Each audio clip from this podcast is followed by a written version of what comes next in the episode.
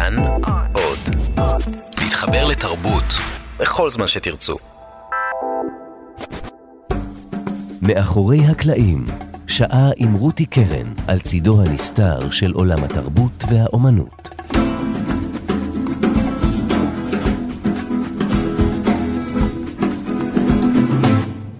לכאורה מדובר במרכיב יומיומי, שגרתי, קיומי אולי יותר מכל, כן, בלעדיו אין חיים, ובה בעת הוא הרבה מעבר לקיום פיזי, הוא עונג, הוא געגוע, הוא שפה, הוא ניחום, הוא מרגוע, הוא תשוקה כמובן, וכשהוא עשוי היטב הוא יצירת אומנות לכל דבר, אומנות מסוג מיוחד.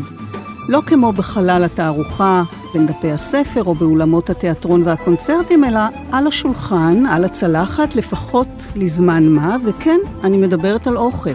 ועם אוכל, אז אני חייבת בווידוי אישי, אין לי ולא היה לי מעולם חיבור לבישול. הבישול היחיד שאני מתמחה בו הוא מה שנקרא בישול באולפן הרדיו, דהיינו מעשה העריכה שמכונה משום מה בישול.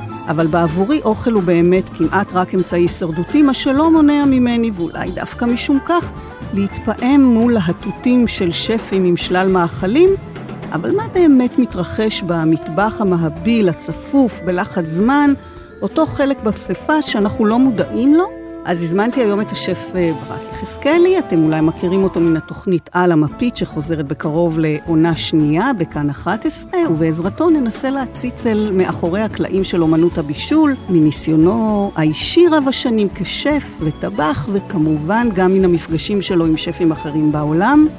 אני רותי קרן מגישה ומבשלת את התוכנית הזאת, אלון מקלר על הביצוע הטכני, שלום ברק. שלום וברכה. אז בשבילך אוכל זו דרך חיים, זה מקצוע, זאת אהבה, זה עיסוק אינטנסיבי, אבל כל אלו הם בגדר מעטפת אולי. מה זה מבחינתך מתחת לכל אלו, במקום הפנימי, הסודי אפילו, בגרעין של הדברים? בגרעין של הדברים זה החיים עצמם. אני ממש מרגיש כאילו אני יושב על אה, פעימות הלב של החיים, או לפחות על פעימות הלב של מסלול החיים שלי. אני חושב שהתעסקות אה, בחומר, במיוחד בתחום המטבח, בגלל שאנחנו uh, מתעסקים עם uh, mother nature, וכל מה שמגיע אלינו הוא, הוא פרי הטבע, והוא uh, נתון לשינויים מתמידים כל הזמן. אתה לומד לאורך הזמן לגלות איזושהי uh, גמישות לזה שהדברים לא קבועים, לא צפויים. אני חושב שבתור בני אדם אנחנו מנסים תמיד הכל להכניס למסגרות ומסלולים. אה, אני חושב שהחיים הם אה, איפה שמושכים לנו את השטיח מתחת לרגליים. אז אנחנו נדרשים לערנות שיא. וכשאנחנו באלרט, שם אנחנו אה, חיים הכי חזק. ובמטבח זה ככה כל הזמן. יום ביומו, רגע ברגע.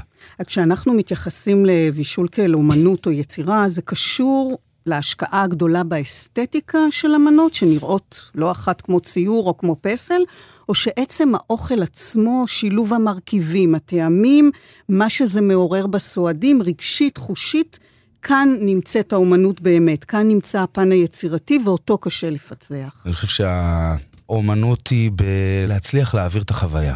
אני חושב שאם יש איזשהו שינוי שאני מזהה בכלל בקולינריה העולמית, זה לא רק uh, להניח דברים בצורה יפה על הצלחת. בטכניקה מושלמת ובניסיון להגיע לטעמים מושלמים. זה הרבה מעבר לזה, זה לראות את הלקוח. אני מנסה להתעסק לפחות בכמה שנים האחרונות באניגמה הזאת שנקראת אה, קולינריה ישראלית, אם היא קיימת בכלל. ואם היא לא קיימת, אז אה, איך אנחנו אה, מתחילים להגדיר אותה? ואני חושב שאחד מהדברים ששפים ישראלים מסתכלים עליו, זה הלקוח מרגע הכניסה שלו בדלת ועד הרגע היציאה שלו. איזה חוויה הוא עובר. אנחנו חיים במדינה קטנה, בחברה שהיא אה, מאוד מאוד אה, משפחתית וקרובה, ויש לנו רצון להצליח לעורר באנשים רגשות. וזה לא מספיק רק לשים אוכל על הצלחת. אבל כשאתה תופס את זה כמעשה אומנותי... את יודעת, זו שאלה שאני לא בטוח שיש לי תשובה עליה, כי יש אנשים שקוראים לזה אומנות, אני שואל אם מה שאני עושה זה באמת אומנות. Mm-hmm. אפילו אצלי קיימת השאלה הזאת. נגיד אם אני משווה אוכל למוזיקה, אז אוכל הוא דבר נורא ארצי מבחינתי. ומוזיקה היא דבר נורא רוחני. מוזיקה יכולה להכניס אותי לאיזשהו אה, מצב שאני לא אחוש רעב. באמת. הנפש שלי תמריא כל כך רחוק שאני אשכח בכלל מכל צרכי הגוף שלי. אתה ממש אתה שואל את עצמך אם זה אומנות או לא אומנות. ו? אני לא יודע. אני לא חושב שזה בשבילי להגדיר. אם אני אומן או לא אומן. אני יודע שאני עושה את מה שאני עושה בהמון אהבה. האם מה שאני שם על הצלחת או החוויה שאני מצליח להעביר אה, יכולה להיות מוגדרת אומנות? אולי. אני מנסה רגע לחשוב, כי לפני שלושה שבועות הייתי באיזושהי תערוכה במוזיאון תל אביב. ישבתי שם בחדר ועברתי איזושהי חוויה.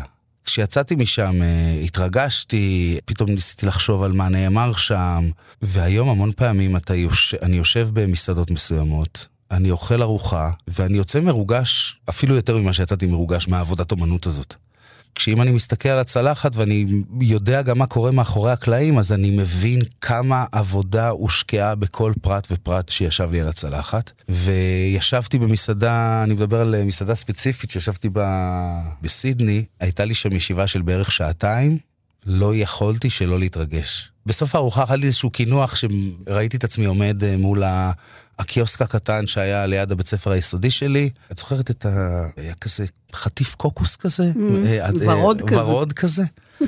היה משהו בקינוח שהזכיר לי ממש את החטיף קוקוס הזה, הזכיר לי מרמלדה, שהיה פעם כזה בשכבות של צבעים, שהיו פורסים נכון. חתיכה, והזכיר לי חלבה, הכל ביחד. ממתקים של פעם. ממתקים של פעם.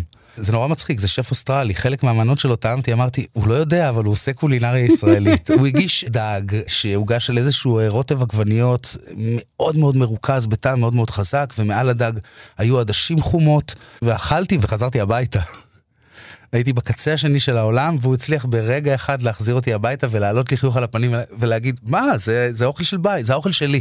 אז כנראה שכשזה מגיע לרמה הזאת, וזה מצליח להעביר אותך את החוויה הזאת, אז כנראה שאפשר לקרוא לזה אומנות. זה מעניין, כי הנה, אתה מדבר על תחושות שנשארו איתך הרבה אחרי שסיימת לאכול, הרבה אחרי שעזבת את אוסטרליה ועשית את כל הדרך הארוכה משם לפה. אל האולפן הזה, וזה נשאר איתך, והנה אתה יושב מולי ומתאר את זה לפרטים, ובכל זאת אמרת לי שזו אומנות מתכלה. בעצם לא נשאר זכר, אנחנו אוכלים את זה, זה נעלם מהצלחת. אתה מזיע ועמל שעות על משהו שנבלע, ונעלם, זה לא מתסכל? אני חושב שזה אולי החלק הכי מתסכל, כי זה הקושי באמנות הזאת. זה לא שיצרת תמונה, היא תלויה על הקיר, ועכשיו היצירת האמנות הזאת פה לעד. זה נעלם הרבה יותר מהר אה, מהזמן שנדרש להשקיע ביצירת המנה הזאת. יש מנות שלוקח יומיים שלושה לייצר אותן. מספיק שיש אה, ציר בקר מאחת מהמנות, זה משהו שצריך להתבשל באזור 48 שעות. ועל כל אלמנט כזה אתה עובד, וכל אלמנט כזה אתה מדייק, ואחר כך אתה מחבר את כולם ביחד על הצלחת, והם נעלמים תוך דקות ספורות. ואתה צריך לייצר את היצירה הזאת שוב ושוב ושוב, ולא רק שאתה צריך לייצר את היצירה הזאת, זה בעצם, אתה לא מייצר אותה לבד. זה לא שזה אתה צייר עם הצבעים שלך מול הבד. זה יש המון המון ידיים שיוצרות את האומנות שלך, והן לפעמים מייצרות אותה טוב ממך, לפעמים פחות טוב ממך, הן אף פעם לא מצליחות לייצר אותה בדיוק כמוך, מסיבה מאוד פשוטה, לכל אחד מאיתנו יש פלטה של טעמים, אני ואת עכשיו נחצה את אותו לימון ונטעם כל אחד את הלימון, וכל אחד ירגיש חמיצות שהיא טיפה שונה. ולכן לבקש ממך להגיע לאיזונים שלי זה כמעט בלתי אפשרי. אז כל כך הרבה נעלמים יש בדרך עד שהצלחת לייצר עוד יצירה כזאת ועוד יצירה כזאת, ואתה גם נבחן על כל יצירה כזאת. אז אתה יודע, זה מעניין, כי בדרך כלל אנשים שמבשלים רוצים לראות צלחות ריקות, כי זה סימן שאהבו את האוכל וזללו אותו. מצד שני, אני פתאום חושבת על זה שאתה מסתכל על צלחת ריקה, והנה כל מה שעבדת עליו, אתה אומר אפילו לפעמים כמה ימים, איננו. וזו תחושה די מוזרה. אפילו עצובה אולי. לא, דווקא פה אני לא מסכים איתך. אני כל כך מחובר לצלחת, מבחינתי צלחת שאני רואה שהיא ריקה. את יודעת, אחת מהחוויות שאני מנסה להעביר ב... נקרא לזה מסעדה לצורך העניין, למרות שהמקום שלי לא מתנהל בשום צורה כמסעדה.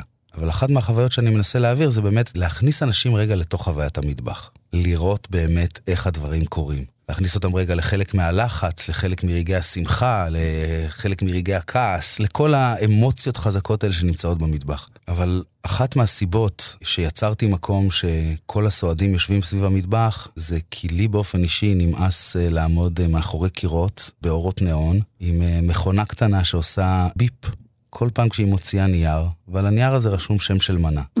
ואתה מרגיש כמו פועל במפעל ייצור ופשוט מייצר את המנות, אין לך מושג לאן הן הולכות, אין לך מושג לפני מי אה, הניחו את הצלחת, ולא ראית אפילו הבעת פנים אחד ברגע שהוא נתן את הביס. אז אני חושב שכשאתה עומד מאחורה במטבח, צלחת ריקה זה מחמאה הכי גדולה שיש. כן. כשחוזרת uh, צלחת עם משהו, אתה ישר uh, נזעק, מזדקף ואומר, מה קרה פה? וישר נשאלת השאלה, למה זה חזר? ובשבילי היום לעמוד מול הסועדים, וברגע שאני מוציא, אני כל הזמן מגניב מבטים. אני חייב לראות את הביס. הראשון, את המבט, האם יש חשיבה רגע על, ה, על האוכל, האם הצלחתי לגרום למישהו רגע לעצור ולהגיד, וואו. כשהצלחת ריקה מסתיים בעצם המופע האומנותי שלך, אבל בוא נתעכב רגע על uh, רגעי ההיווצרות. איך זה מתחיל? ממה? מפנטזיה על משהו, מגירוי חיצוני, אבסטרקטי, או ההפך, אתה עומד מול חומרי גלם והם, בוא נאמר, מדברים אליך, ושם מתחיל תהליך של תכנון. אני חושב שזה משתנה לאורך החיים עם ההתפתחות המקצועית שלך. היום אני מדבר uh, על uh, בישול אינטואיטיבי. אני חושב שאתה יכול להגיע למצב של בישול אינטואיטיבי כשיש לך באמת המון המון ניסיון, גם עם חומרי הגלם וגם עם הטכניקות. כי כל חומר גלם, ובוא ניקח לצורך העניין סתם סלק, אז אפשר לקלף אותו, ואפשר להשאיר אותו בקליפתו, ואפשר לבשל אותו על מלח, ואפשר לבשל אותו בתנור בלי מלח, ואפשר להדות אותו, ואפשר לבשל אותו במים, יש המון, ואפשר לבשל אותו בסוביד, יש המון טכניקות לבשל את הסלק, כל אחת תניב איזושהי תוצאה שהיא תוצאה שונה. תלוי מה תגיש אותו. אני לפחות חושב היום ברמה של uh, טעם, וגם ברמה של מרקם, ברמה של החוויה של הביס הסופי של כל המרכיבים שיהיו על הצלחת. אז אני יודע שאם אני ארצה איזשהו ניגוד של מרקמים, ואני ארצה את הסלק קשה, אז אני אבשל אותו בצורה מסוימת. ואם אני ארצה שהוא יהיה רך כי משהו אחר הוא קשה על הצלחת, אז אני אבשל אותו בצורה אחרת. אני מסתכל על כל מנה גם בהיבט של ארוחה, כי אני בדרך כלל בונה ארוחות. נגיד שאני רוצה מנה שהיא תהיה קלילה יותר, אז אני אומר, אה, טוב, אז אני הולך לכיוון... הירק, אני רוצה שהוא יהיה בטעם עדין יותר, כי אני רוצה לבנות את הארוחה בהדרגתיות. אם אני אתן לך משהו מאוד מתוק בתחילת הארוחה, אז אני אסגור לך את בלוטות הטעם.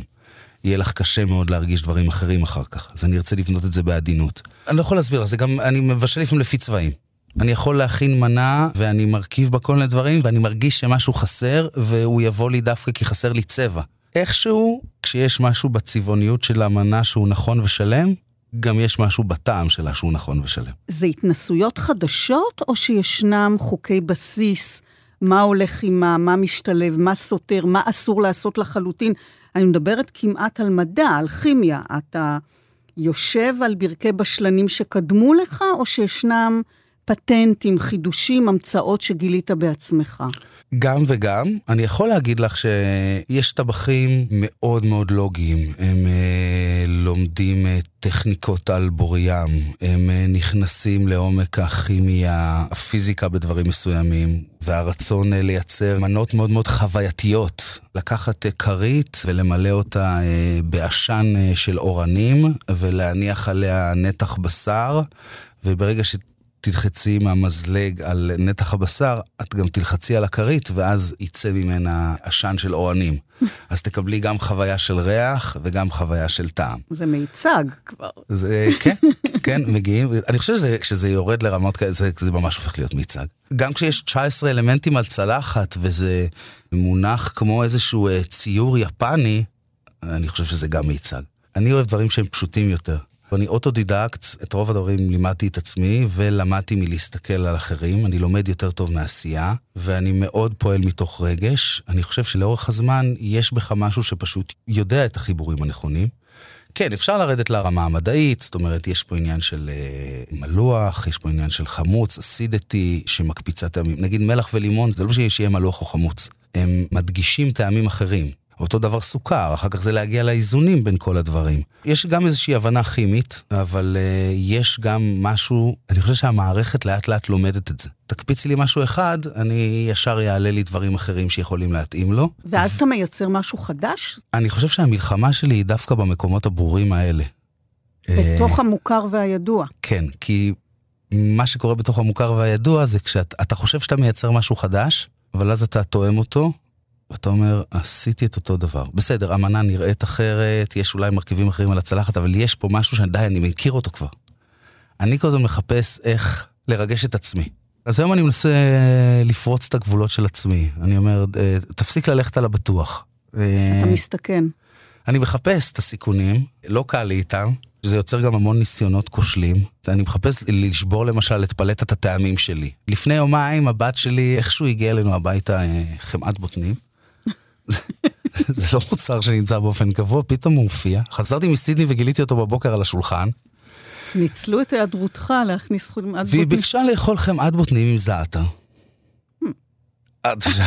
גם אני וגם אשתי מסתכלים עליה במין עין, זה חמאת בוטנים וזעתר, מה הקשר? בסדר, הכנתי לה פרוסה של חמאת בוטנים עם זעתר, ושמתי את זה בפה וטעמתי, ואמרתי, הופה, קורה פה משהו. החמאת בוטנים היא חמאת בוטנים אורגנית, היא ללא סוכר בכלל, זה ממש אה, בוטנים טחונים למשחה. אז יש את המתיקות העדינה של הבוטנים, אבל עם מתיקות יחסית עדינה יש גם מליחות. ופתאום הזעתר, אני לא מדבר על זעתר טרי, אני מדבר על התערובת זעתר, מה שטובלים בו את הבייגלה. יש בה גם מין מליחות ומין חמיצות כזאת, וזה עבד באופן נהדר עם החמת בוטנים. עכשיו, זה משהו שאצלי בראש לא הייתי מייצר את הצירוף הזה. אני חושב על חמת בוטנים, אני ישר הולך למטבח האסייתי, לכל מיני רטבים, אני חושב על אה, איך לחזק את המליחות עם סויה, איך להוסיף פנימה צ'ילי שיהיה חריפות, שיעדן את המתיקות. פתאום טעמתי חמת בוטנים עם זעתר. אצלי לא היה את ההקשר הזה. בראש. טוב, יש לה את זה כנראה מלידה. אני יכול להיות. תשמע, הנה, יכול להיות שתשתמש לא בזה. אני לא יודע אם אני מאחל לה ללכת לתחום הזה, אבל יכול להיות שיש לה את זה. אתה פה נותן פה דוגמה של אה, איזה רעיון של ילד, שהוא לא יודע את מה הולך עימה. אה, זה מה שהוא התחשק לה.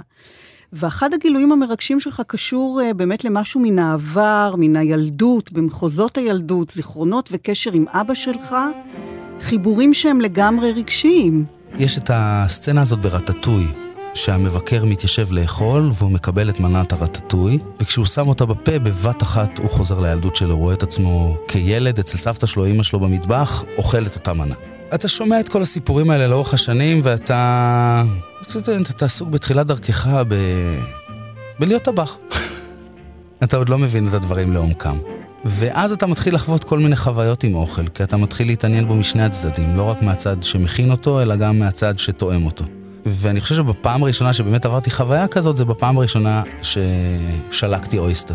משהו בטריות שלו, משהו במליחות העדינה הזאת של הים, ברגע אחד, אבא שלי היה לוקח אותי, כשהיה מתמזל מזלי, היה מנער אותי בשעה ארבע לפנות בוקר, אומר לי קום קום, מכין סנדוויצ'ים במטבח, עושה בצק רווך, שם אותו במין שקית קטנה, עולים על האוטו, נוסעים לטנטורה, חוף דור, עומדים שם על השונית ודגים.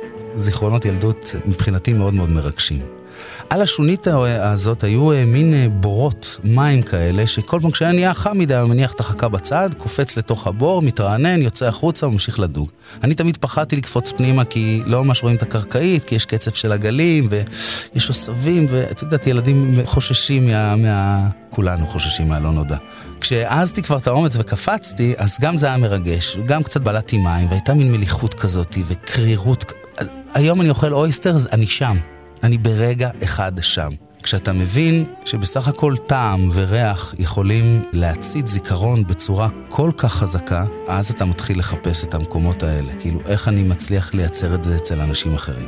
עכשיו, זה קצת לא נודע, כי אין לי מושג מה חוויות הילדות שלך. אין לי מושג מה שמת בפה שלך, מה האכילו אותך, אני לא יודע מה יעשה לך את זה. אז אני פועל מתוך המקומות שלי. אתה יודע, אם דיברנו על בישול כאומנות, אז כמו מחזה או סרט או סיפור, ככל שזה אישי יותר, פרטי יותר, זה אוניברסלי יותר. אתה מבשל פה חוויה מאוד מאוד אישית שלך. אני מבשל אך ורק את החוויות האישיות חוויה שלי. חוויה אישית שלך, אבל זה בדרך כלל, דווקא כאשר עושים משהו מאוד אישי, מאוד פרטי, זה מצליח לגעת ביותר אנשים. זה פרדוקסלי אולי, אבל זה מעניין. ונראה לי שכשבאמת, כשאתה מצליח לזקק טעם שקשור לחוויה אישית מאוד שלך, יש למנה הזאת סיכוי גדול יותר אצל הסועד. ובאופן בלתי ברור זה אחד הדברים שמורגשים באוכל, כלומר, לא די במרכיבים אה, טובים, יד מיומנת, ניסיון, מקצוענות, יש שם רכיב נוסף שאי אפשר לגעת בו ושהוא נכנס לאוכל, נכון? הרכיב זה זה אנרגיה, אנחנו באמת, זה, זה נשמע...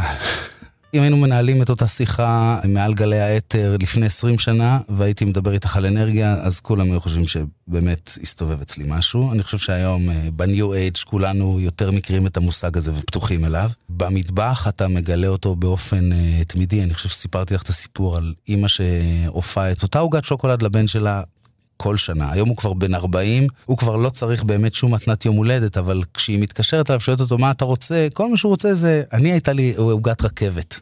אמא שלי הייתה עושה עוגת רכבת. שלושה ביסקוויטים שהם מורכבים בצורת משולש, בפנים אינסטנט פודינג, דובדבן קטן שתקוע לאורך כל הדרך במרכז, ושוקולד שמצפה את הכל. כשאימא שלי מתקשרת היום ואומרת לי, מה אתה רוצה? אני אומר לו, אמא, עוגת רכבת. זה הדבר שהכי מרגש אותי, הכי מחזיר אותי לילדות. אבל היא עושה את העוגה הזאת כל שנה במשך ה-40 ומשהו שנים האחרונות, והיא תמיד משתמשת באותם חומרי גלם. המתכון הוא תמיד אותו מתכון, הטכניקה היא תמיד אותה טכניקה. אם אבא שלי עצבן אותה לילה לפני, והיא קמה בבוקר בלי מצב רוח, משהו שם מתפקשש. ואם היא קמה בהתרגשות לזה שהיא הולכת להכין לי את העוגה ליום הולדת, והיא קמה עם שיר בלב, העוגה הזאת יוצאת טעימה יותר.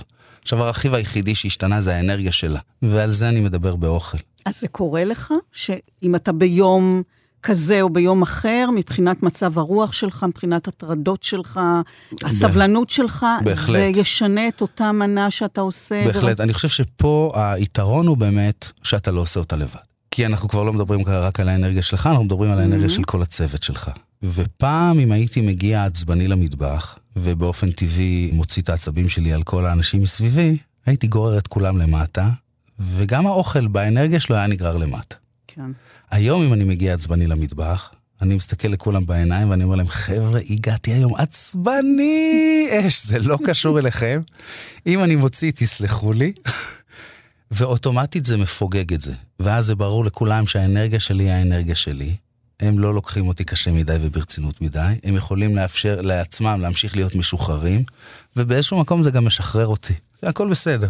כשאנחנו מרוכזים במה שאנחנו עושים, כשאנחנו בתוך זה, כשאנחנו עושים את זה בתשוקה ובאהבה, נגיד להכניס סלק לתנור. אנחנו אופים את הסלק שלנו בקליפתו על מלח גס, בתור התנור, ב-180 מעלות, במרכז התנור, בלי רוח. יופי, נתתי לך את כל הפרטים הטכניים. זה לא מספיק שהכנסת את המגש פנימה, ואתה יודע שזה ייקח שעתיים, ועוד שעתיים תפתח ותוציא את המגש. אתה לא רק מכניס את המגש פנימה, אתה מכניס גם תשומת לב עם המגש הזה בפנים. וגם כשעכשיו זה בתוך התנור שעתיים ואתה ממשיך לבשל דברים אחרים, יש משהו בתודעה שלך ששם את התשומת לב שלו על הסלק. יש לך תקשורת עם הסלק. זה נשמע מצחיק, כן. אבל זה נכון. ואתה כן. פתאום מרגיש והולך רגע לבדוק אותו.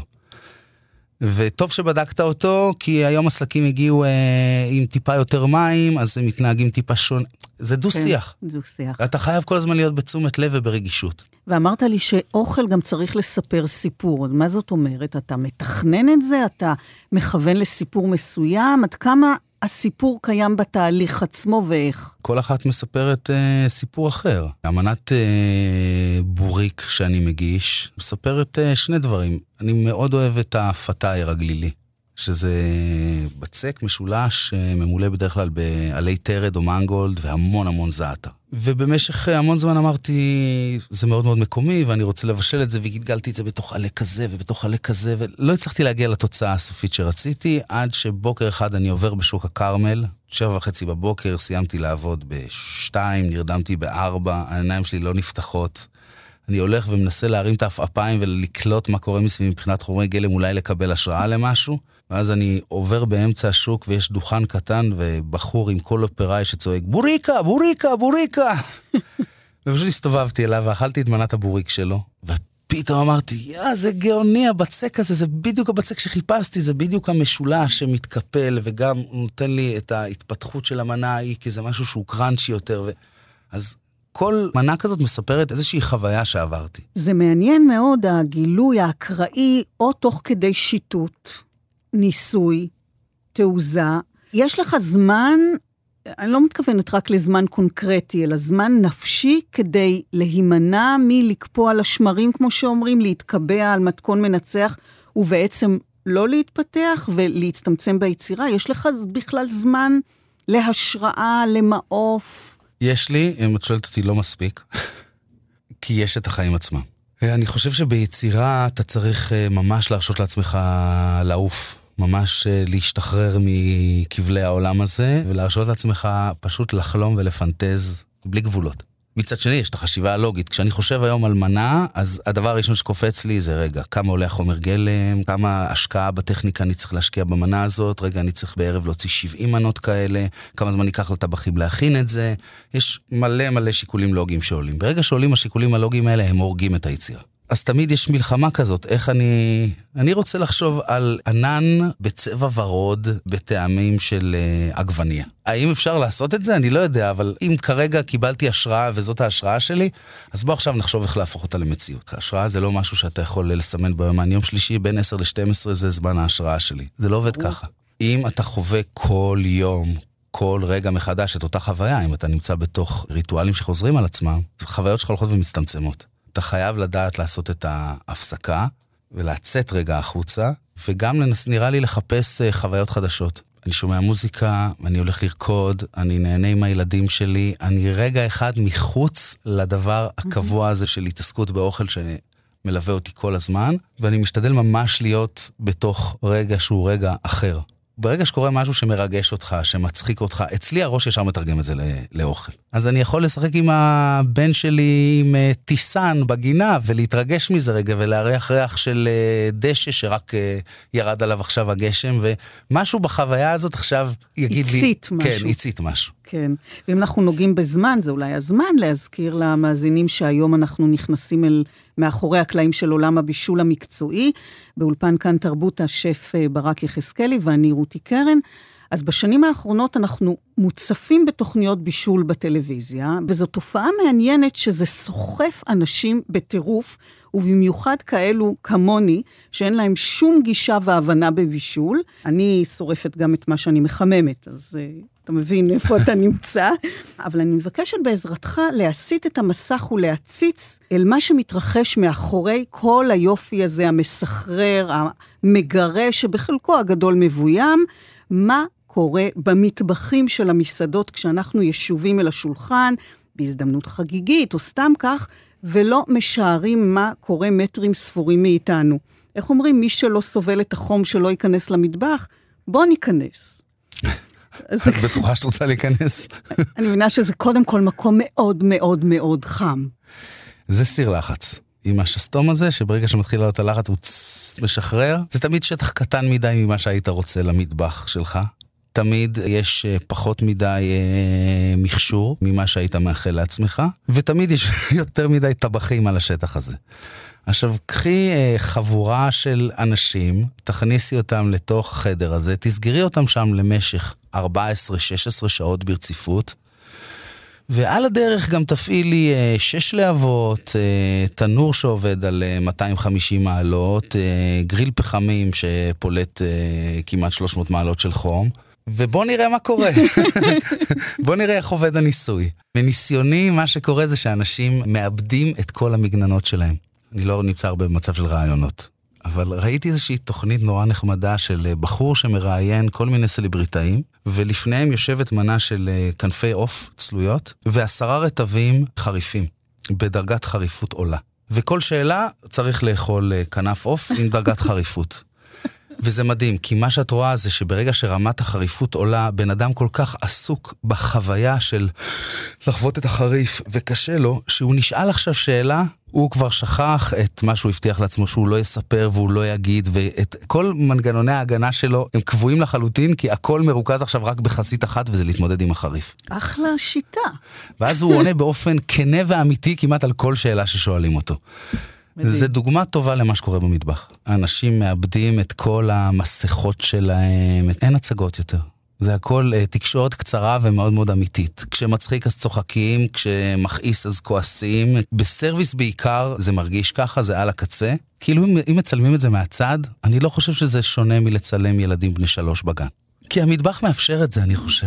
הוא גם יוצר uh, מצב שמתאים לזה, זאת אומרת, יש פה קר פטרי מאוד מאוד מתאים לתופעה הזאת. אז מה זה אומר ילדים בני שלוש? בוא נגיד שאת הגעת עצבנית, ואת עכשיו מוציאה אליי משהו. בגלל שאני בן אדם בוגר, אז אני יודע רגע לקחת נשימה ולהגיד, אני לא עשיתי כלום, זה יהיה עצבנית, זה שלה. אני אתן לזה לרגע להירגע, ואחר כך אפשר יהיה לדבר על זה בהיגיון. ילד לא מגיב ככה. ילד, אם את מתעצבנת עליו, אז הוא או שהוא נעלב, או שהוא אה, כועס בחזרה, ובמטבח זה בדיוק ככה. אז יש הרבה צעקות. יש uh, צעקות, יש צחוקים, יש הכל מהכל. יש עצב, בכי פחות, כי זה לרוב סביבה גברית וגברים, כמו שאנחנו יודעים, לא, בוכים פחות. אבל גם בכי יש במטבח. סביבה גברית, אז אתה אומר שיש הרבה אגו? לא חסר. תראי, כשאני עומד באמצע סרוויס, ועכשיו הגיע לי רוטב שמשהו התפקשש שם בדרך. ואני לא הייתי מספיק כנראה ערני לשים לב בדרך של התהליך ולטעום אותו, והרוטב עכשיו הוא לא מדויק, אבל אין לי מה לעשות. אני בזמן אמת, מנות צריכות לצאת עכשיו. אני יכול או להמציא משהו מהר, או לנסות טיפה לשפר, או פשוט להשתמש ברוטב הזה ולקחת נשימה עמוקה. עכשיו, הטבח הוא מבחינתו, אם כעסתי עליו, הוא יצא עם זה שהוא הכין רוטב לא טוב היום, ובסדר, המשמרת הייתה קלה. אני מסתובב עם התחושה שעכשיו כל מנה שאני מכין עם הרוטב הזה, היא יוצאת לא כמו שצריך ללקוח, והלקוח, מה שהוא יגיד זה שאני מבשל לו טוב, הוא לא יודע מה קרה מאחורי הקלעים, זה לא מעניין אותו בכלל. אז אתה רוצה לצמצם את האופציה לטעויות, ואז אתה מייצר היררכיה ברורה. יש שף לכל מחלקה, יש מישהו מתחתיו, הכל צריך להיות מתכונים קבועים, טכניקות מאוד מאוד ברורות. צריך לחתוך את הגזר בדיוק בקוביות של חמש על חמש, ואל תסטה מזה. סביבה מאוד אה, ממוסגרת, ברורה, זה דרך אחת. אבל הדרך הזאת שוכחת דבר אחד מאוד מאוד חשוב, וזה את האנרגיה שדיברנו עליה מקודם. את הנשמה. את הנשמה. וכשאתה רוצה להכניס גם נשמה, אז צריך קצת להיות יותר מודע לדברים. אני פועל קצת אחרת. אני חושב שהתחלתי לפעול אחרת אה, מהיום ש... שנהיו לי ילדים. כי אה, בילד הראשון הרגשתי שאני עם control לגמרי, אני יודע איזה, אני אבא מושלם, אני יודע בדיוק מה הוא צריך, ואני לא יודע, יש לי תחושה שאני מה זה מתפקד טוב. וגם בתחילת הדרך עם הילד השני, אמרתי, וואו, אני אין, אני עושה את זה. עד שפתאום הרגשתי שמשהו יוצא משליטה, והתחילו לגדול, והתחילו לענות, והתחילו להגיב, ופתאום מצאתי שאין לי מספיק כלים להבין איך להתמודד איתם. והיה איזשהו מטבח שנכנסתי לנהל אותו, ואמרתי לעצמי, אני מנסה לעשות פה איזשהו שינוי. די, מספיק עם ההיררכיה, המרות, והכל חייב להיות ככה וככה וככה וככה. בוא נראה רגע את האנשים האלה, ובוא נראה איך אני מעצים אותם.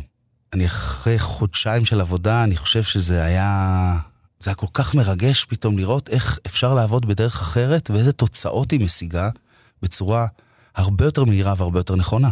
אותם טבחים שבמטבח הזה, כשנכנסתי אליו, התלונה של בעל הבית הייתה שאם בארבע נגמרת להם המשמרת, בשלוש וחצי נופלת להם הסכין מהיד, ואם גם אתה צריך עוד טיפה עזרה, הם לא מעניין אותם, הם לא רוצים. הם רוצים ללכת, הם באו לעבוד. ופתאום הבנתי מה אנחנו, אני לא מחפש פה עובדים ולא מחפש פה עבדים. אני מחפש פה אנשים יוצרים. כאילו, אמרתי להם, אתם זוכרים שהייתם חוזרים הביתה, לא רוצים לעשות שיעורי בית ורוצים לשחק כדורגל? אתם בחרתם בלבשל. כאילו, אם זה מה שאתם רוצים לעשות, אז תשחקו.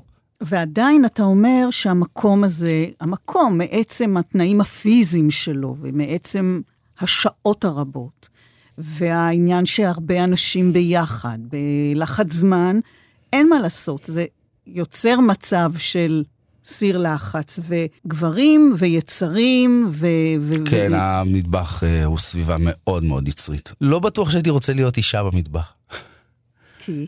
טוב, גברים הם גברים. כאילו, אין, אין מה לעשות. אם פעם בטבע זה היה נורא ברור, הגבר זה היצור החזק, כי הוא באמת יותר חזק פיזית, והאישה היא יצור שהיא יותר חלש פיזי, וזה קבע את הדברים, אז היום לכוח אין שום משמעות. לא רק שאין משמעות, הוא אפילו נתפס כדבר שלילי. זה אומר שצריך לקחת את היצור הזה, שאבולוציונית, ככה הוא התפתח וזה מה שהוא הבין, ועכשיו להגיד לו, רק שנייה, בוא תירגע שנייה. אנחנו כבר בעולם אחר, ומזל שלנו שאנחנו בעולם אחר ומודעים יותר, ועכשיו בוא תילחם קצת ביצרים שלך, כי אתה לא צריך כל דבר לצאת החוצה. ודיברנו מצד שני על המטבח, שזה סביבת לחץ מאוד מאוד גבוהה, ואז אנשים אין להם יותר את המסכות. אז הכל נהיה נורא נורא נורא חשוף. הם לא מצליחים לרסן את עצמם, לא, אתה, אתה לא אומר, יכול, ואז אתה לא- אישה... לא, אתה לא יכול לרסן את עצמך. אישה שנקלעת לדבר הזה... אני חושב שנשים שנקלעות לדבר הזה מתאימות לדבר הזה, חזקות מספיק לעמוד בדבר הזה, וגם הן הופכות להיות מאוד מאוד יצריות. זה המטבח. אז מה, אלימות? מכות? על סף מכות. למה אני אומר על סף מכות? אני מתאר לעצמי שבטח אה, זה הגיע למצב של ממש מכות במטבחים מסוימים. במטבחים שאני חוויתי, ראיתי טבחים, שעוד רגע קופצים אחד על השני, זה מחזיק מחבת ביד, זה מחזיק סכין ביד, והם פשוט, הם לא, הם אפילו לא מודעים למצב שהם נמצאים בו, אבל עוד רגע יוצא מהם משהו אלים. בכל המטבחים שאני הייתי, למזלי, זה אף פעם לא נגרר למקום הזה, זאת אומרת, תמיד יש מספיק צוות מסביב בשביל uh, להגיד... חבר'ה, חבר'ה, אנחנו בסיר לחץ, בואו, רק שנייה, זה לא... סיר לחץ לא, שיש כן. בו כלי נשק. שיש בו כלי נשק, כן. כאילו, זה לא הכיוון ללכת אליו, אז זה תמיד נעצר שמה, אבל כן, בהחלט, במקום שהוא כל כך uh, לחוץ וכל כך מלא יצרים, לפעמים מילה לא במקום יכולה להצית uh, אש ברגע אחד. וכל זה בזמן שצריך להוציא את המנות החוצה. בדיוק. אנחנו יושבים לנו במסעדה ליד השולחן. אין לכם שמץ של מושג מה קורה מהעבר השני, ממש, אפילו לא טיפה. שמץ של מושג אין לכם מה קורה. מעיפים צלחות. מעיפים צלחות, שוברים דברים. אני יכול לספר לך כן אה, סיפור. אני לא יודע אם זה אלימות. היה לי אה, שף בשם אה, וינס. הוא היה שוויצרי כזה, מטפס ערים, בחור בריון כזה, משוגע על כל הראש. היינו עובדים במטבח המון המון שעות, והיה בינינו כמו שני גורים כאלה, של מודדים למי יש יותר כוח. אני הייתי צעיר ורציתי להוכיח את עצמי, והוא היה קצת יותר מבוגר ממני, אבל עם הרבה יותר ניסיון ממני וגם הרבה יותר חזק ממני. וכל פעם היה כזה דחיפות קטנות וזה. היו מצבים שבאמצע service, והמסעדה מלאה אנשים, וצריך להוציא מנות, והוא נותן לי איזה מכה קטנה, איזה פליק קטן, ואני מסתובב ומחזיר לו איזה פליק קטן, ושנייה אחרי זה אנחנו שנינו מתגוששים על הרצפה, לא בקטע של להרביץ אחד לשני, אבל מי יגיד ראשון שהוא נכנע? ואז נכנסת המנהלת מסתובבת ומסתכלת עלינו, שנינו רבים על הרצפה, תגידו, מה אתם עושים? אנשים מחכים למנות שלהם בחוץ. את יודעת, זה, רגע אחד היינו חייבים לפרוק את כל האנרגיה הזאת. שנייה אחרי זה היינו קמים, שנינו אדומי פנים כאלה מתאפסים, וישר רצים כל אחד לעמדה שלו וממשיכים להוציא מנות. אז מה קורה אם באמת משהו מתפקשש? כי אנחנו באמת מצידנו מכירים סיטואציה שהמלצר מודיע שהמנה נגמרה, למרות שזה כן היה בתפריט. יש מצב שזה בגלל שמישהו חרבש אותה? יש. עזבי את הסיפורים שמלצרים מספרים לכם. באמת שאין לך מושג מה ההיסטוריה שקרתה לפני שקיבלת את המשפט הזה של... אה, אני, אני מצטער, אבל אה, המנה נגמרה. זה יכול להיות כי זה היה הפילה דניס האחרון, ובמקום להגיע לצלחת הוא עף למישהו על הראש. זה יכול להיות שהוא סתם נפל על הרצפה, זה יכול להיות שהיה לחץ גדול מדי בפס, ופשוט המנה הזאת נשרפה, ו... אי אפשר להוציא את המנה הזאת. תראי, אחד, זה מלחיץ. תחשבי על מסעדה, אם יש משהו שאתה בדרך כלל לא שולט בו, זה איך יגיעו האנשים, מתי הם יתיישבו. זאת אומרת, יש ערבים, זה הערבים הכי מושלמים, שמגיע שולחן, וכל הצוות עובד להכין את המנות שלו, ואז מתיישב טיפה אחריו שולחן אחר, וזה יוצא באופן הדרגתי יותר. Mm-hmm. ויש פעמים שבבת אחת מגיעים 30, 40 איש למסעדה, מתיישבים, ואז המכונה לא מפסיקה לצפצף. ובבת אחת זה מ-0 ל-100, ואתה יודע שיושבים שם אנשים, ואתה צריך לייצר כמות גדולה יותר ממה שיש לך באמת יכולת לייצר בזמן קצר, ואז דברים מתחילים להתעכב, ועל הדרך גם קורות כל מיני טעויות. אני חושב שלאורך הזמן אנחנו לומדים להתמודד עם לחץ, ולפעמים אנחנו קורסים, שזה רגעים... פעם בחיים שלי קרס לי service, מה זה אומר? זה אומר שיושבים אנשים למטה במסעדה, הם בכלל לא יודעים מה מתרחש במטבח, ובאיזשהו שלב הם מחכים כבר 40 דקות למנה שלהם, ואתה יודע שהיא גם לא תצא בחצי שעה הקרובה. אז זהו, לא קרה כלום, אף אחד לא מת. אנחנו לא מתעסקים בחיי אדם, הכל בסדר, אבל אה, החוויה בתוך המטבח היא מאוד מאוד קשה. אני רציתי למות באותו. אבל מה קרה? למה זה קרה? תנור אחד שהתקלקל, שתי להבות שלא עבדו, טבח שלא עשה הכנות לחלק מהמנות, אז אתה צריך לעשות את כל התהליך תוך כדי בשביל לייצר את המנה. זה מין שרשרת טעויות כזאת, שכן, אתה יכול לייצר את האוכל, אבל זה פשוט ייקח לך הרבה הרבה יותר זמן. והמסעדה הערב בדיוק החליטה להיות הכי מלאה שיש, ואתה לא מצליח לספק את הסחורה. אז זהו, רציתי להגיד לך שזה, אמנם לא מדובר בניתוח לב פתוח פה, כן? הוא שאלת חיים, אבל כן צריך להיות מרוכז ומדויק ויצירתי, גם כשעייפים מאוד, גם כשקורה משהו כזה, איזה שרשרת של טעויות. ואם אנחנו מדברים על הסועדים שיושבים ולא יודעים מה קורה, אי אפשר בלי מרכיב הציפיות, כלומר, הצורך למצוא חן, ואז לבשל בשבילם, בשבילנו, לכוון לטעמם של אחרים, לקבל חיזוקים, להיות אהוב. והשאלה אם זה לא לאבד את עצמך בדרך. זה לגמרי לאבד את עצמך בדרך. אבל אני חושב שזה חלק חשוב בדרך, כי אתה צריך לאבד את עצמך ואז למצוא את עצמך מחדש. וזה מפחיד. זה הכי מפחיד, ללכת למקומות לא ידועים, לשחרר. אז אתה לא חושב על, ה... על הסועדים? היום אתה... אני כבר לא חושב על הסועד. מה זה לא חושב על הסועד? אני חושב על הסועד מרגע שהוא נכנס בדלת ועד רגע שהוא יוצא ממנה, אני חושב על החוויה שהוא הולך לעבור ואיזה חוויה אני רוצה לתת לו, אבל זה החוויה שאני רוצה להעניק לו. זה כמו שדיברנו מקודם על אם פעם הייתי חסר ביטחון והייתי מסוגל לייצר מנה חדשה, ואחר כך מהחוסר ביטחון שלי ללכת ולהסתובב ולשאול את חשבתי שאני אמיץ בזה שאני מספיק פתוח לשאול את הלקוחות שלי אם זה טעים להם, אם חסר להם משהו, אם הם היו רוצים משהו אחרת. עכשיו, הלקוח, את האמת, לא רוצה לשמוע את השאלות האלה. הוא רוצה שתחליט בשבילו, וגם זה לא העולם שלו. הוא לא באמת יודע כמה השקעת ומה כל דבר. הוא יכול לבחון את זה בטעים, לא טעים, אם הוא חווה חוויה או לא חווה חוויה, אבל רוב האנשים הם לא אנשי, אנשי קולינריה. הם באו לאכול וליהנות מארוחה טובה ביחד עם אה, חבר או משפחה, זה כאילו זה, זה לא הדבר הכי חשוב שהם... ואז אתה שואל את השאלה הזאת, אתה מקבל, אתה מקבל תשובות. כשאתה שואל, אתה מקבל תשובות.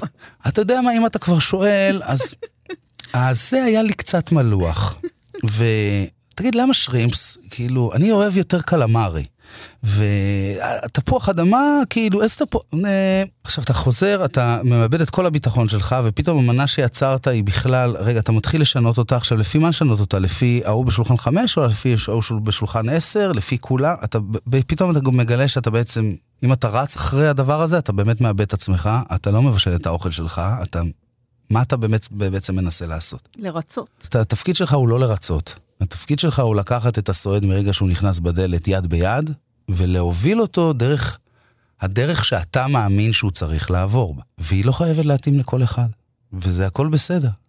כל עוד אתה שלם עם עצמך, עוד פעם, אני באמת חושב שאני המבקר הכי גדול של עצמי. אז השתחררת מה... תודה לאל, כן. מהדבר הזה, אבל אמרת שללכת לאיבוד לפעמים מוביל למקומות מפתיעים. ואני סקרנית לשמוע איך בכלל מצאת את עצמך בתחום הזה. סיפרת על החוויה עם אבא בחוף הים, אבל היית ילד מבשל? איך? לא, אני זוכר uh, תקופה כזאת שכל ראיון עם שף שהסתכלתי, אמרתי, אני כבר שמעתי את הסיפור הזה. הוא לא הלך לשחק כדורגל, הוא היה צמוד לסבתא שלו במטבח, הוא למד ממנה איך להכין את החריימה ואת המפרום, והוא הפריד את האורז, ואני לא הייתי ככה. אני שיחקתי כדורגל, שיחקתי כדורסל, וטיפסתי על ההרים, ו... וברחתי, הברזתי משיעורים, והייתי הרבה בים. אוכל לא היה מרכז החיים שלי, לפחות לא במחשבה שזה מה שאני הולך לעשות. הוא כן היה מרכז החיים שלי, כי היום, ברטרוספקטיבה לאחור, רטרוספקטיבה זה לאחור, אני חושב שהבית שלי תמיד התנהל סביב השולחן במטבח. בין אם ההורים שלי טרחו להושיב אותנו לתמיד לארוחת צהריים או לארוחת ערב כל המשפחה ביחד. זה, זה זמן התקשורת המשותף. ואני תמיד זוכר שאם היה מגיע אורח הביתה, אז הדלת הראשונה שהייתה נפתחת אחרי דלת הכניסה זה דלת המקרר. הכל כל הזמן קורה סביב אוכל, כאילו אוכל הוא איזה מין חוט מקשר כזה. אני זוכר את אבא שלי נוסע למילואים, ותמיד מספר איך הוא בישל את המרק נידלח פה במילואים, ואיך כאן הוא הכין את התבשיל הזה או תבשיל אחר לכל החבר'ה, ואיכשהו גם אני הפכתי להיות כזה. תמיד זה שמבשל לחברים, מכין את השקשוקה בבוקר, עושה על האש, מבשל דגים. מאוד מאוד אהבתי ונהניתי מזה. האם חשבתי שאני אתעסק בזה? לא. למדתי, התעסקתי בשיווק ומכירות, למדתי הנדסת בניין, רציתי לעשות את המיליון הראשון עד גיל 30, כל מיני פנטזיות uh, מיותרות כאלה. ובאיזשהו שלב מצאתי את עצמי יותר ויותר מתגלגל uh, להתעסקות באוכל, ולחוות את החוויה הזאת של... יש משהו נורא חזק בלהאכיל מישהו. זה משהו שהוא מאוד מאוד מחבר. עד שלא מרחתי למישהו אפילו לחם, פרוסת לחם עם חמאה והגשתי לו, זה מעביר את המערכת יחסים שלב אחד קדימה. תראה, אנחנו יושבים ומתחברים וכיף לי איתך ויש כימיה והסיפור זורם. אבל אם היינו בבית עכשיו, אז באיזשהו שלב הייתי שואל אותך, את רעבה, ואם היית מראה איזשהו רצון כזה, אז הייתי הולך ומכין לך איזשהו משהו, ופתאום זה, אני לא יודע, זה משהו אחר. זה פותח איזשהו כן, תדר נוסף. זה פותח תדר נוסף. זה, זה מעניין מה שאתה אומר כל כך. זה נותן ברגע אחד, כאילו, מה עשיתי? מרחתי פרוסה עם לחם ואכלת כן. אותה רגע אצלי בבית, ופשוט לא הכרנו לפני, אבל פתאום באיזשהו מקום, בלי ששמת לב, דאגתי לצורך הכי בסיסי שלך. אבל אתה יודע, אדם לא נעשה בן לילה שף, נכון? זה תהליך סיזיפי, מתיש, אה, תחילה כטבח, או שוליה, מבשל אוכל של אחרים, ואז איך מגיע האומץ להעז, לשנות, להמציא משהו אחר, לקרוא תיגר על חוקים מקובלים ועל דברים בטוחים? אני חושב שזה מאוד תלוי באינדיבידואל, בבן אדם עצמו. זה לא קורה לכולם, ולכן לא כולם... אה, נעשים שפים. נעשים שפים. אני באיזשהו מקום תמיד הייתי כזה, אני אין לי סבלנות לצעוד בדרכם של אחרים. אני תמיד אחתוך רגע הצידה. גם אם זה ילך ויסבך אותי, אני תמיד אחתוך רגע הצידה. אני תמיד אקפוץ מעל הגדר. שיהיה רגע עניין. וגם זה תהליך של uh, להאמין בעצמך ולשחרר. כי תחשבי, באמת, אתה בתחילת הדרך, בתחילת המטבח, אתה נכנס, אתה מתרגש מכל טכניקה שאתה לומד, אתה מתרגש מזה שאתה מסוגל לשבת עכשיו על ארגז של תפוחים ולקצוץ אותו לקוביות בגודל שווה, ב... מה זה, אני עושה את זה ברגע. מהיכולת שלך פתאום אה, להפעיל את הכלי הזה שנקרא סכין בצורה נכונה. ואז אתה מבשל אוכל באיזושהי מסעדה, אבל האוכל שאתה מבשל הוא האוכל של השף, שמראה לך איך לבשל. אתה מבשל רק חלק מהאוכל הזה, ואחר כך אולי אתה הולך ולומד עוד קצת. וכשאתה הולך הביתה ואתה רוצה לבשל ארוחה לחברים שלך, אתה מבשל את מה שאתה מבשל במסעדה. אתה מחכה. אתה מחכה, ממש. אז מתי קורה פתאום הפריצה הזאת? אני חושב שהפריצה קורית או כשאתה יודע לדחוף את עצמך מחוץ לקן, או שפגשת בשף טוב שיודע לבעוט אותך מחוץ לקן. אז זהו, היום אתה במקום שתחתיך עובדים טבחים שמבצעים את החזון שלך. אני חייב לתקן אותך במשפט הזה, את אומרת תחתיך, הם לא תחתיי. אני מבחינתי, אנחנו להקה שמופיעה ביחד. באמת, וככה אני רואה את זה. אבל אתה מאציל עליהם סמכויות, כן. והם מבצעים את החזון שלך בכל זאת. זה קשה לשחרר שליטה? זה הדבר הכי קשה שיש. זה באמת הדבר הכי קשה שיש. יש ימים שאני לא נמצא במטבח. אני אגיע לסרוויס. עכשיו, אז הצוות שלי, הוא מכין את התפריט הזה כבר במשך חודש, הוא מכין אותו טוב יותר ממני, אבל האנרגיה שלי לא הייתה שם. אני מסתכל על הדברים ואני אומר, שום דבר שיש פה על הצלחת לא עבר מתחת לידיים שלי, אני לא נגעתי בכלום. אז זה אני? אולי זה לא אני. אז מה זה בעצם הדבר הזה? אז זהו, יש בכלל, מתגבשת זהות ומאפיינים ותו וקר, שזה אתה? אני חושב שכן. אני יושב היום במסעדה, אני אוכל אוכל, קחו אותי בעיניים עצומות, אני יכול להגיד לך, לפחות מהשפים המוכרים בארץ, אני יכול להגיד לך מי מהם מכין את האוכל הזה. ואת עצמך אתה יכול להגדיר במשהו? אני משתדל שלא. דווקא לא. כן. להישאר פתוח. יש בי משהו שהוא נורא ילדותי, הוא, אני חושב שהוא משחק לטובתי, זאת אומרת, פעם הוא היה מלחיץ אותי. אם הייתי נכנס אה, למטבח חדש, ולא משנה שהייתי טבח כבר עם המון המון ניסיון של המון שנים, ופתאום מכינים שם אוכל שהוא אחר, והייתי מרגיש כאילו בבת אחת אני לא יודע כלום. אני יודע לעבוד עם סכין, זה אני בטוח שאני יודע, אבל מעבר לזה אני לא מבין מה אתם עושים פה, אני לא יודע כלום. עכשיו, מצד אחד זה כאילו נורא מחליש, כי מה, אני... אני כבר עשר שנים במטבח, אני כבר הייתי פה והייתי פה ועשיתי ככה ועשיתי ככה ועשיתי ככה. מצד שני, זה מאפשר לך לספוג וללמוד. ברגע שאתה אומר את זה ואתה מקבל את זה ולא נלחץ מזה, אתה אומר, רגע, אני שם את זה בצד. פה יש משהו שהוא לא מוכר לי, ורגע, תנו לי לספוג. מבחינתי ללמוד הכל מההתחלה. אולי אני פספסתי משהו בדרך, תגידו לי מה קורה פה. בכל זאת יש שם אבל היררכיה במטבח, הכבוד לשף, הגינונים. לפעמים טבחים זקוקים להיררכיה. הם כן זקוקים רגע לדיסטנס הזה. אני שוכח אותו לפעמים. מבחינתי הם בדיוק כמוני. אנחנו אה, להקה אחת, יש לנו איזה שיר, אנחנו רוצים לנגן אותו בצורה הטובה ביותר, ובואו נשתדל ליהנות מהדרך כמה שיותר. ולמה חשוב להיות מחובר לכל שרשרת הייצור כולה, שהיא די ארוכה? כי זה בסופו של דבר הסיפור שאתה מספר באוכל. אם אני אשב במסעדה ופשוט יגיעו ספקים ויניחו את הדברים שלהם, ואני עכשיו אלך ויבשל מהדברים האלה, אני מבחינתי לא סיפרתי שום סיפור. אם בבוקר יגיעו ירקות מהספק ירקות, אבל אני בבוקר שלי הספקתי לעבור בשוק הכרמל, ורגע לגלות פתאום איזה ליים מעניין, או איזה קישור בלאדי שהגיע, או... איזשהו חומר גלם אחר שאני רגע מתרגש ממנו ולוקח אותו איתי, ועל הדרך אני עובר אצל הדייג, שיכולתי גם להרים לו טלפון. ורגע הוא מספר לי את הסיפור מהדייג שהגיע, והנה, ותראה את הדגים, ופתאום אני רואה את הדג הזה, ואני אומר, וואו, איזה טרי, ואתה יודע מה, אל תביא לי את הדג הזה, תביא לי את הדג הזה. אני מגיע עם אנרגיה אחרת, אני מחובר לחומרי הגלם, אני מתרגש מעצם התהליך של לבשל אותם. ואז נוצר איזשהו עומק, מאשר שרק עמדתי שם עכשיו, והוצאתי מנות שהטבחים שלי בישלו, ולא חוויתי שום דבר בדרך שחיבר אותי לאוכל. זה ממשיך גם הלאה, למי ששוטף כלים, למלצר, או שזה נעצר במקום של הבישול? אצלי זה חוויה כוללת. כל ההשקעה הזאת שדיברנו, כל היומיים בישול ועבודה על טכניקות ומרכיבים, ואחר כך התאמצנו ושמנו אותם על הצלחת אחרי כל הלחצים והסיפור הזה, ואז מגיע המלצר, מרים את הצלחת, לוקח אותה באלכסון, אז הרוטב טיפה זה, והדברים שהעמדת, הכל נופל הצידה, והוא בא ללקוח ו... אני בכוונה דופק על השולחן למרות שאמרת לי לא. הוא מניח את הצלחת בצורה גסה על השולחן, והוא לא השאיר רגע מבט ללקוח. הוא עושה פרצוף, כן. זה ברגע אחד, הוא חרב הכל. הכל הוא חרב, כל העבודה שהשקעת נעלמה ברגע אחד. אז כן, זה חייב לעבור הלאה. ויש גם משהו שהוא מעבר לזה. כי זה רק מלצר, שהוא ידע לבוא ולהניח ולסובב את הצלחת בזווית הנכונה, כי אני רוצה שהמנה תהיה מופנית בצורה ויזואלית ככה כלפי הלקוח, והוא ידע להגיש קודם לאישה בשולחן ואחר כך לגבר. והוא ידע לבוא מצד ימין ולא מצד שמאל. כל מיני גינונים שמי שיודע אותם, כשהוא נותן לך שירות, את מרגישה כאילו היה מסביבך פרפר שפיזר ריח טוב ונתן לך תחושה טובה. וכשהוא לא יודע לעשות את זה, זה נורא ואיום.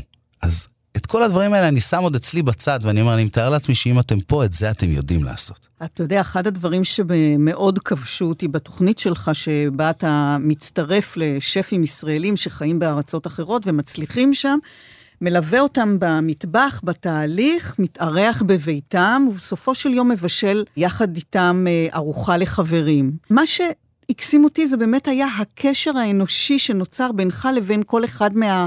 שפים שביקרת, החום, השותפות באהבה הזאת לבישול, ההליכה יחד לקנות את החומרים, התכנון מה לבשל. מצד שני, יש סודות, המצאות, טכניקות, תרכובות שלא מגלים, כי זה ייחודי ואתה רוצה לשמור לעצמך? אני, זה אחד הדברים שהכי מעצבנים אותי במטבח.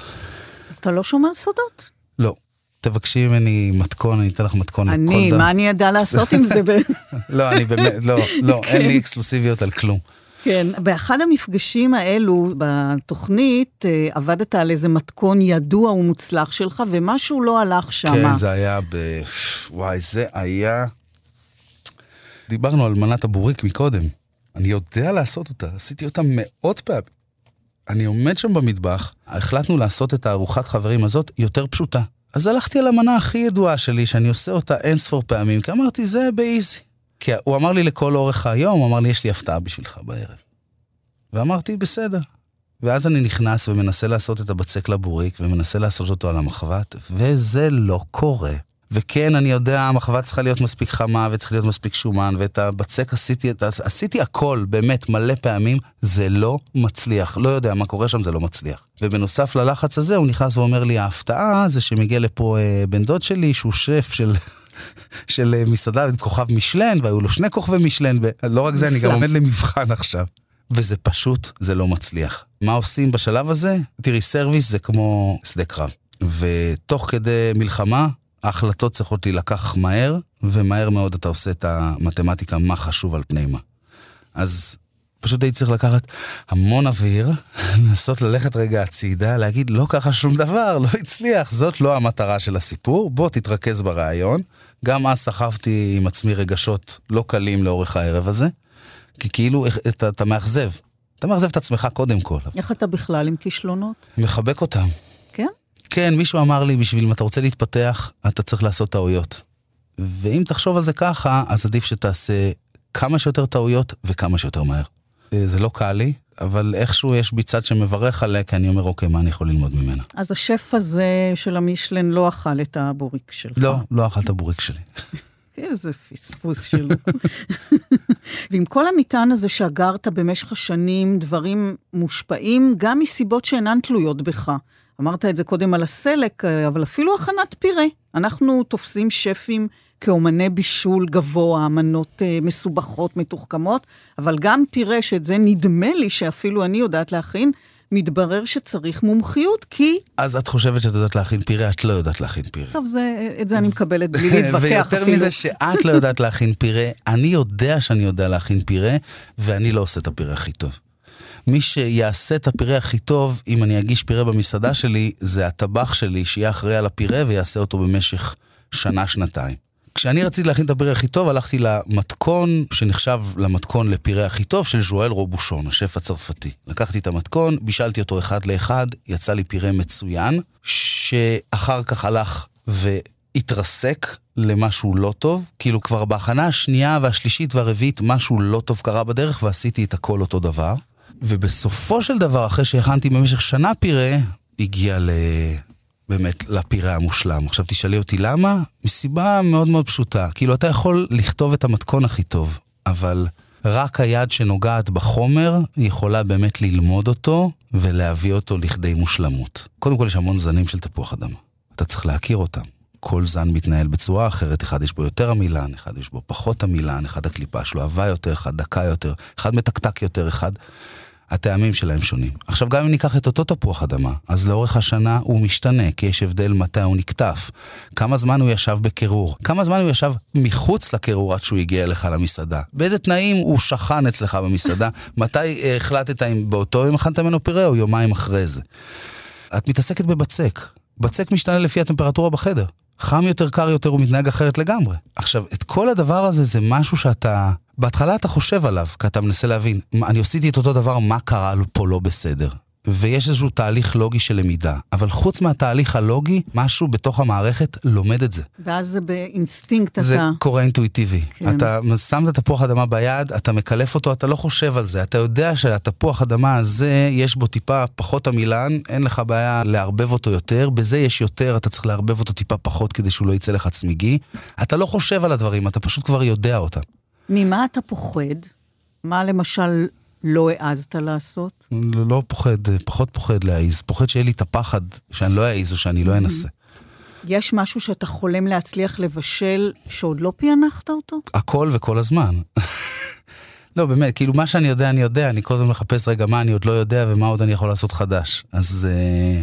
אין איזה משהו מסוים שעוד לא עשית ואתה מכוון לגעת בו מתישהו?